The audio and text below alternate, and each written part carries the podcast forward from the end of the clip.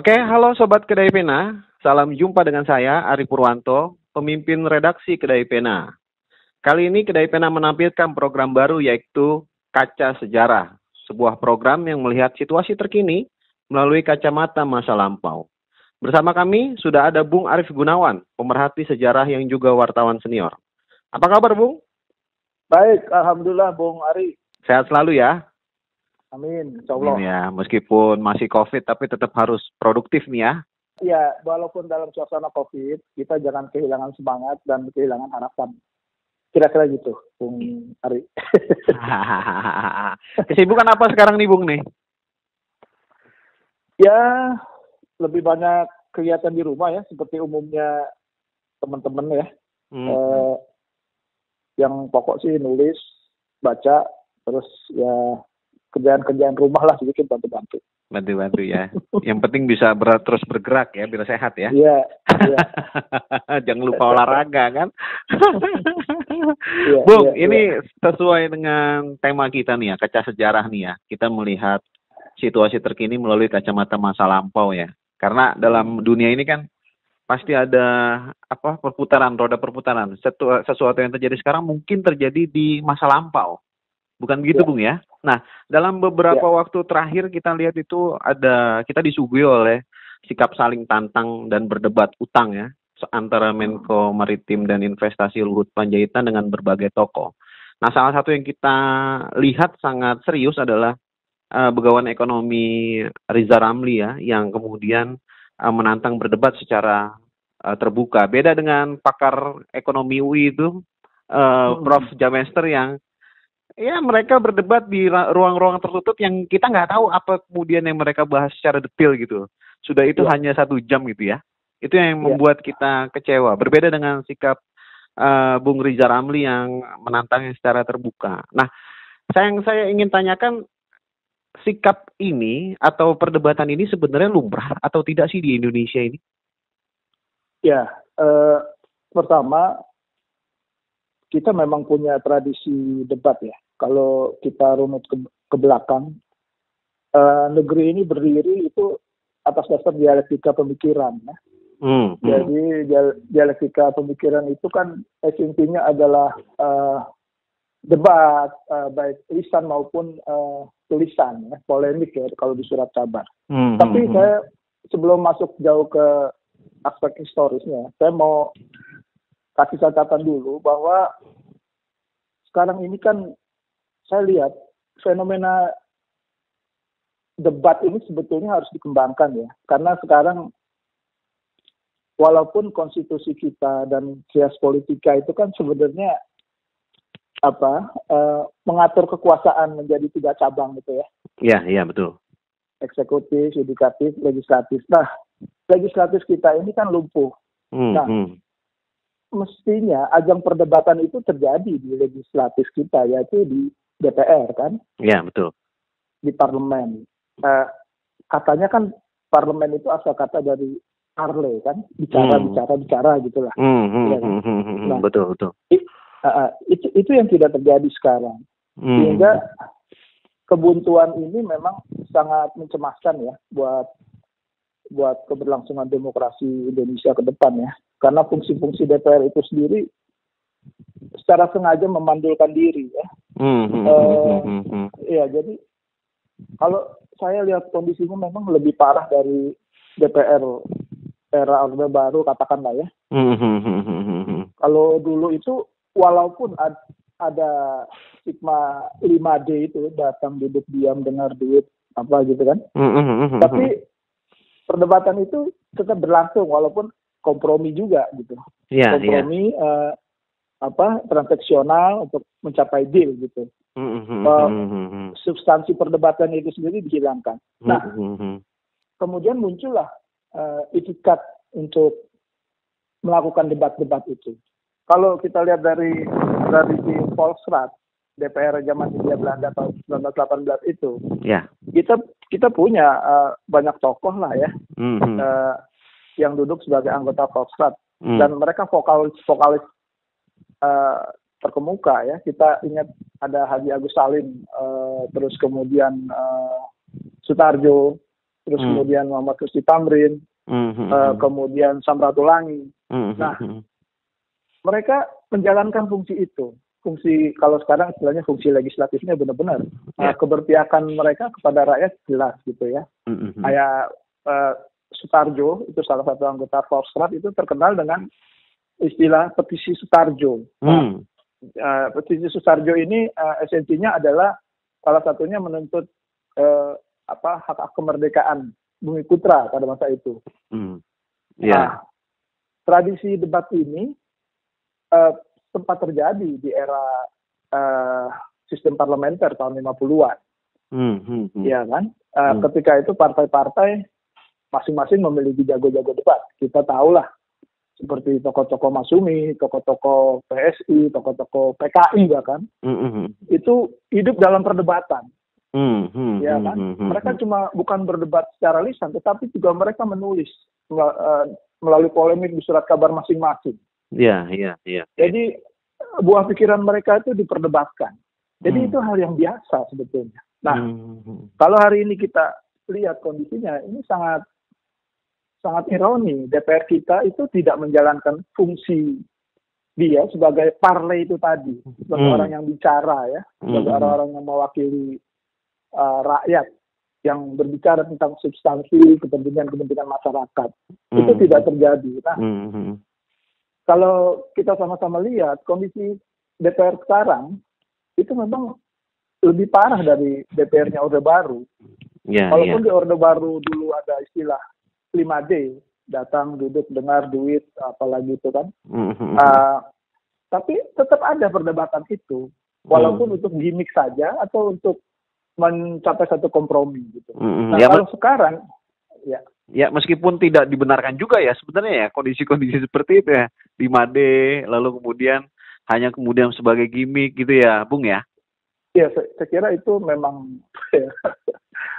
ya itulah tabiat dari parlemen kita pasca dari parlemen eh, tahun 50-an tadi yang saya sebutkan ya. Hmm, hmm, Nah, hmm, jadi hmm, sekarang ini kondisinya lebih parah. Kita lihat kemarin kita mengetahui lah sama-sama eh, RUU Omnibus Law itu dibahas secara gelap gulita kita nggak tahu tiba-tiba Iya. bulan puasa dalam keadaan COVID ya kan? Iya, iya betul, betul, betul. Eh, kemudian sekarang ada RUU haluan ideologi Pancasila misalnya. Kita nggak mendengar artikulasi yang jelas dari para anggota DPR itu.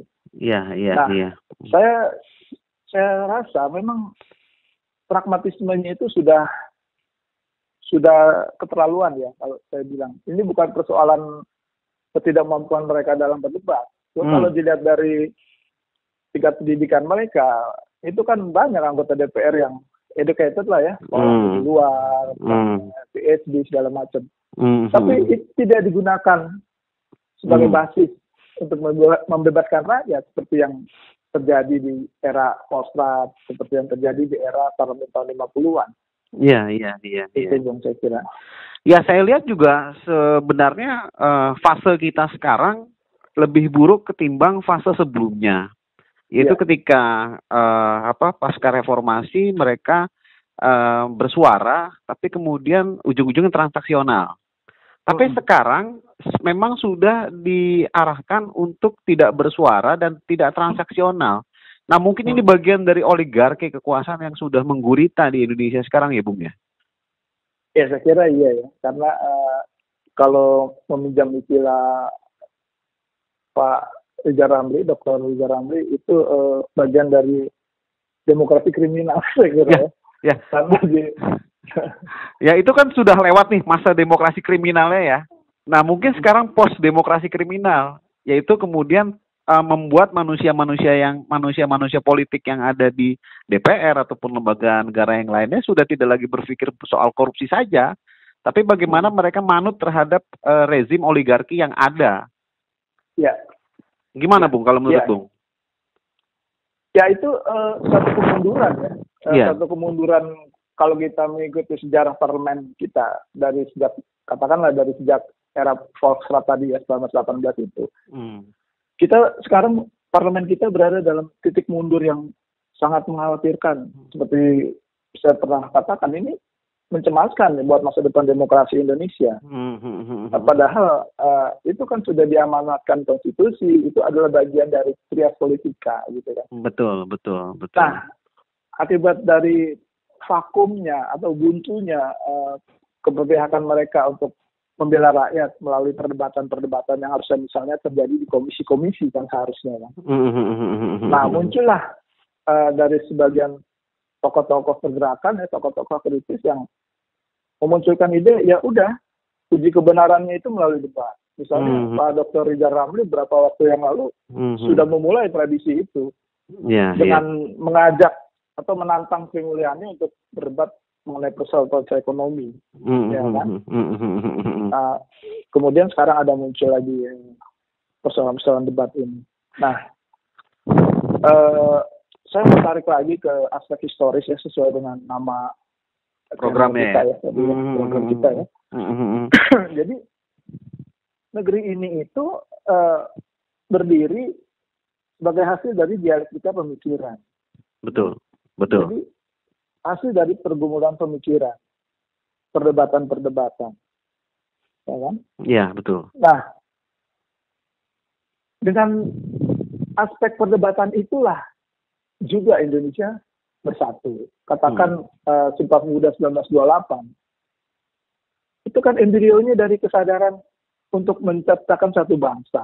Hmm, hmm, untuk hmm. dialektika pemikiran, bagaimana bersatu. Hmm, Kemudian manifestasi, manifestasinya adalah Sumpah Pemuda yang tiga poin itu. Hmm, hmm, hmm, hmm. Terus era 45 juga dimulai dengan perdebatan.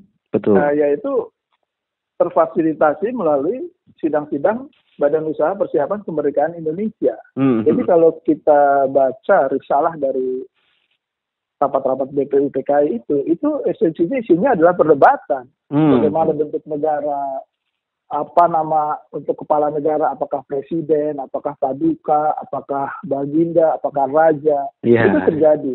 Yeah. Berapa jumlah kementerian, ya kan? Yeah, yeah, betul, uh, betul. Apa bendera kita, mm, mm, mm, apa lagu kebangsaan kita. Jadi itu proses perdebatan itu panjang. Jadi para founding fathers kita sebetulnya sudah memberikan contoh yang sangat baik. Ini loh, kalau kamu mau ngelola negara, pakai dialektika pemikiran, hmm. ya kan? Hmm, hmm, hmm. Jangan pakai dialektika buzzer, buzzer RP itu. Iya betul. Kan itu yang terjadi sekarang. Hmm. hmm DPR-nya buntu, kemudian untuk pembenarannya tiba-tiba di sosmed misalnya ada buzzer-buzzer yang tanpa argumentasi, tanpa basis fakta dan data yang kuat, masuk ke dalam persoalan yang memperkeruh saya kira. Betul, betul. betul Bung. Mm-hmm. Bung, kalau kita tarik ke belakang, saya pernah baca beberapa literasi.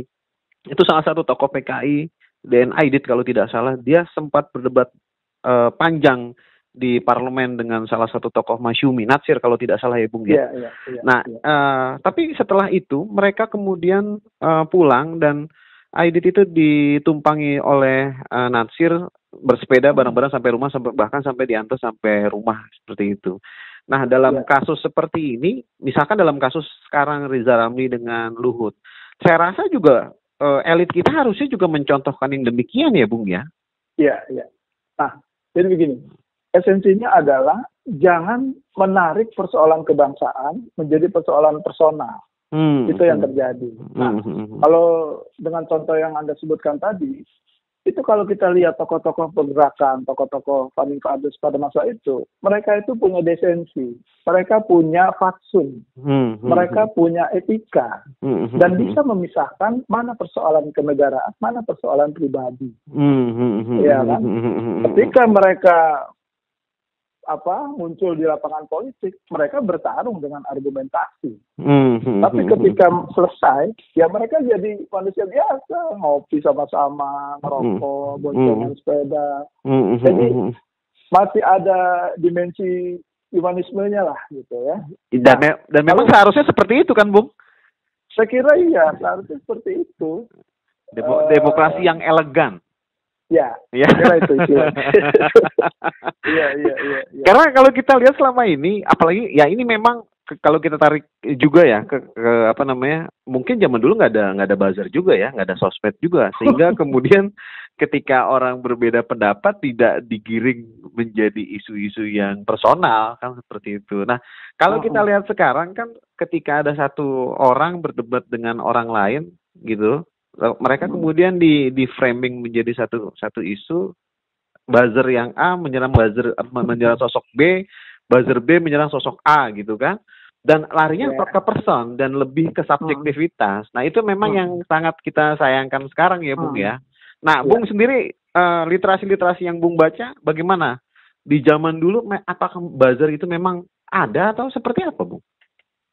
Uh, kalau dalam konteks yang persis sekarang tentu belum ada ya karena kan buzzer itu kan teknologi uh, gadget sosmed hmm, ya. Hmm, hmm, hmm, Tapi saya kira uh, yang disebut sebagai pertarungan opini di dalam kompetisi politik itu tetap ada ya. Yeah, ya, uh, mungkin dulu istilahnya ya misalnya tahun 60-an itu ada istilah agitasi dan propaganda ya. Agit agit prop ya.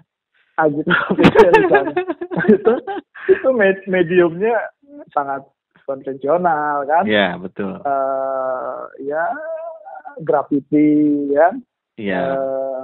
uh, brosur, uh, yeah. orasi ya kan, mm-hmm. uh, itu jadi masih ya esensinya masih menggunakan dialektika pemikiran sebetulnya agitasi dan propaganda berhadapan dengan massa, bagaimana menyihir massa ya kan, iya betul, bagaimana betul. menghipnotis massa untuk mengikuti haluan politik yang disampaikan itu kan perlu kemampuan diri itu kan nggak bisa nggak bo nggak boleh kosong. Nggak boleh kosong. Gitu. dan nggak nggak nggak kelasnya buzzer kayak sekarang. Iya yang sudah yang sudah copy paste gitu bung ya. Ah, satu satu cuitan dengan cuitan lain ya sama ah. aja itu itu. Jadi saya kira itu ya eh, di zaman Hitler pun ya ada lah kayak ya anda juga mengikuti lah perkembangan ya agitasi propaganda itu kan. Hmm, Joseph Goebbels uh, ya kan. Ya, Goebbels. Kesalahan yang diulang-ulangi akan menjadi sebuah ah, kebenaran. Ya kan.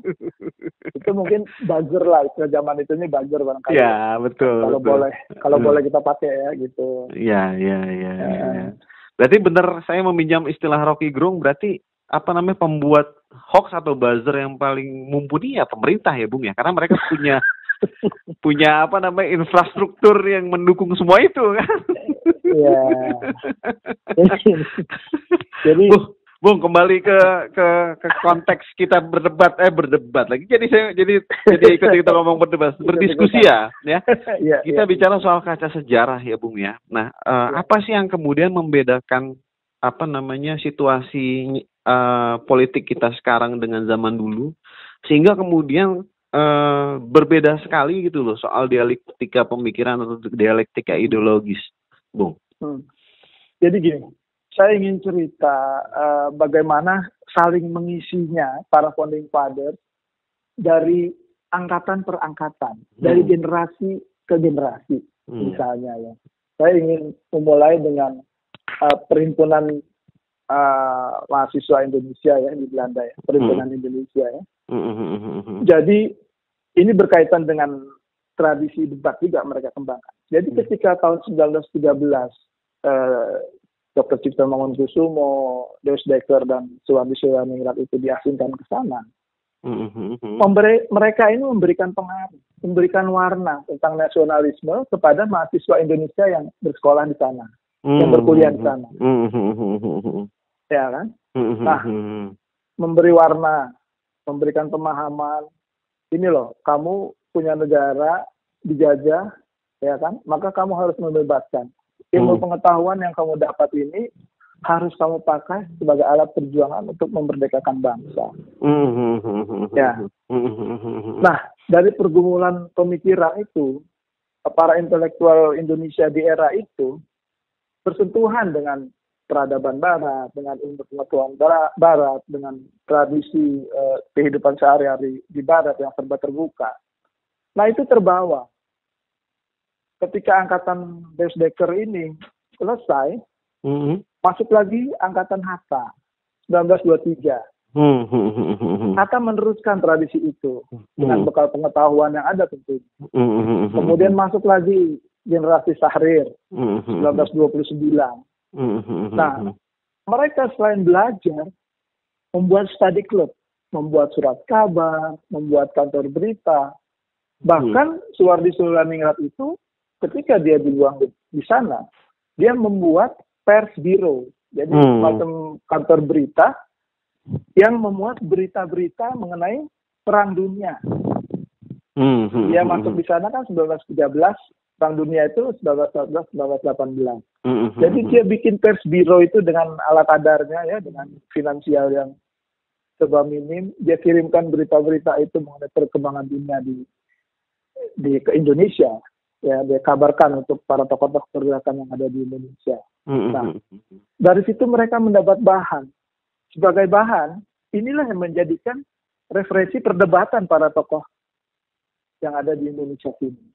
Hmm, hmm, hmm, hmm. Kemudian mengembangkan majalah, juga isinya sama, berpolemik, ya kan? Hmm. mengenai esensi ekonomi yang pro rakyat seperti apa, ya kan? Iya. Cita kemerdekaan yang ideal seperti apa. Hmm, Jadi benar-benar eh, warisan itu terjadi dan tapi sayangnya sekarang tidak diteruskan oleh DPR ya tadi hmm, kita hmm, bicara hmm. Iya, betul, betul, betul. otoritas debat politik itu kan mula-mula itu adanya harusnya di parlemen kan gitu. Iya, betul, betul. Uh, Jadi mereka itu sebenarnya apa ya melupakan teorinya Gramsci soal hegemonitas, Hmm. Bung. Ya kan? Hmm. Karena bagaimana ketika bagaimanapun ketika orang memiliki pemikiran dan akan dilihat sama seseorang, dia harus kemudian mempertahankan argumennya. Ya kan? Nah, ini yang kemudian tidak terjadi di sekarang sehingga yang tadi Bung bilang ada gap yang sangat besar gitu loh. ya, Padahal eh, kalau kita lihat juga latar belakang pendidikannya juga nggak jelek-jelek banget. Banyak juga yang Hmm. lulusan luar negeri. ya, Nah, selain itu dalam kondisi yang tadi kembali saya bahas soal oligarki ini, mereka sepertinya takut untuk bersuara. Aku Ya. punya eh, beberapa kawan gitu yang kemudian mereka kalau saya lihat eh, manusia-manusia pinter juga ini kan lulusan Australia, Hmm. lulusan Singapura, tapi takut Bung bicara. Hmm. Kenapa takut? Karena dia tidak mau partainya itu dalam tanda kutip memberikan punishment ke dia karena dia eh, apa namanya eh, menyerang misalkan pemerintah, partai pem- pendukung pemerintah, dia takut diserang. Padahal dia berbicara yang sebenarnya, ya. gitu loh. Nah ini yang saya bilang tadi, apakah memang ini gurita apa namanya oligarki yang sedemikian rupa yang membuat kondisi kita seperti itu? Ya. Jadi kalau ditarik benang merahnya dari partai politik, partai politik kita hari ini pun juga kan tidak memulai satu tradisi berpolitik yang ideal, yang sehat, yang benar ya. Betul, betul. Kalau dulu misalnya Deus Dekker mendirikan Indonesia Party, itu Hmm. memang untuk memerdekakan. Dia menginspirasi Hmm. Soekarno, menginspirasi banyak tokoh. Mm-hmm. Bahkan Soekarno mengakui bahwa salah satu mentor yang sangat dihormati itu ya Deus Dekker itu. Nah, Mm-hmm. bagaimana dengan partai politik sekarang? Mm-hmm. Kaderisasinya memang tidak diisi oleh hal-hal yang sifatnya idealis ya. Betul. Kaderisasinya yang memang diisi oleh hal-hal yang pragmatis, saya kira. Ya, Mhm. saya ingat di setiap partai politik itu misalnya ada yang namanya lead bank ya. Betul.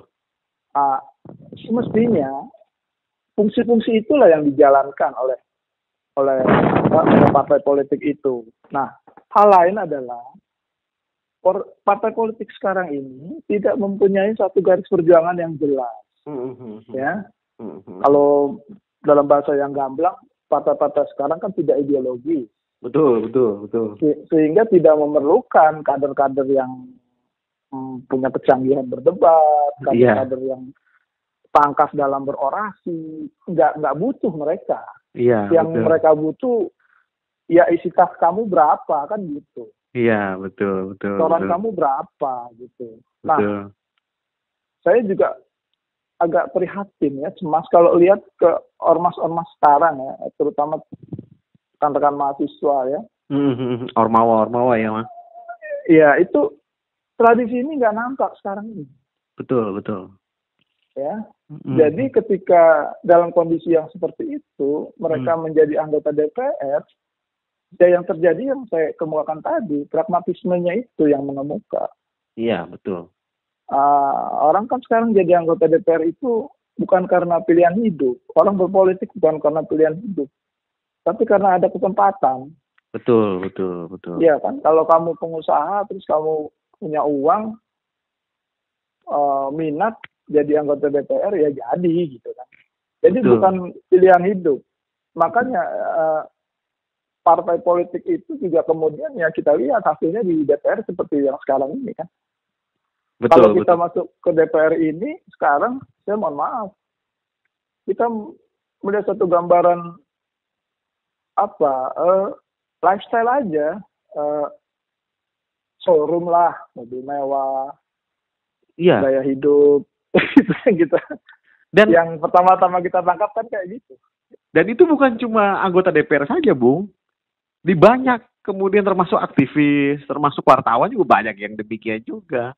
Makanya saya bilang inilah salah satu kemunduran kita ketika memilih uh, reformasi atau memilih demokrasi menjadi jalan hidup kita sebagai berbangsa.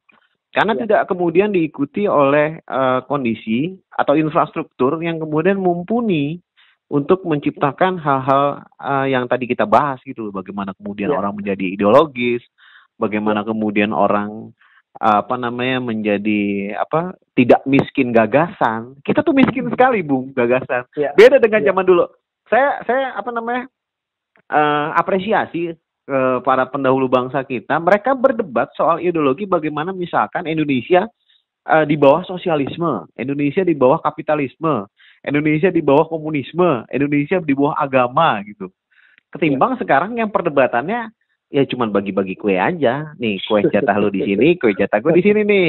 Ya kan? Yeah. Selesai. Kita sama-sama happy, same-same happy gitu loh. Jadi memang yeah. kalau meminjam istilah Bung Riza Ramli, ya demokrasi kriminal memang sudah mengakar dan sudah masuk ke fase baru di mana yeah. oligarki yang kemudian menyetir semua hal termasuk dalam tingkatan berpolitik, tingkatan berekonomi, tingkatan bersosialisasi, berbudaya gitu. Jadi Trisakti yang digaungkan sama Bung Karno kayaknya cuma mimpi sekarang. Gimana Bung? Ya, ya, ya.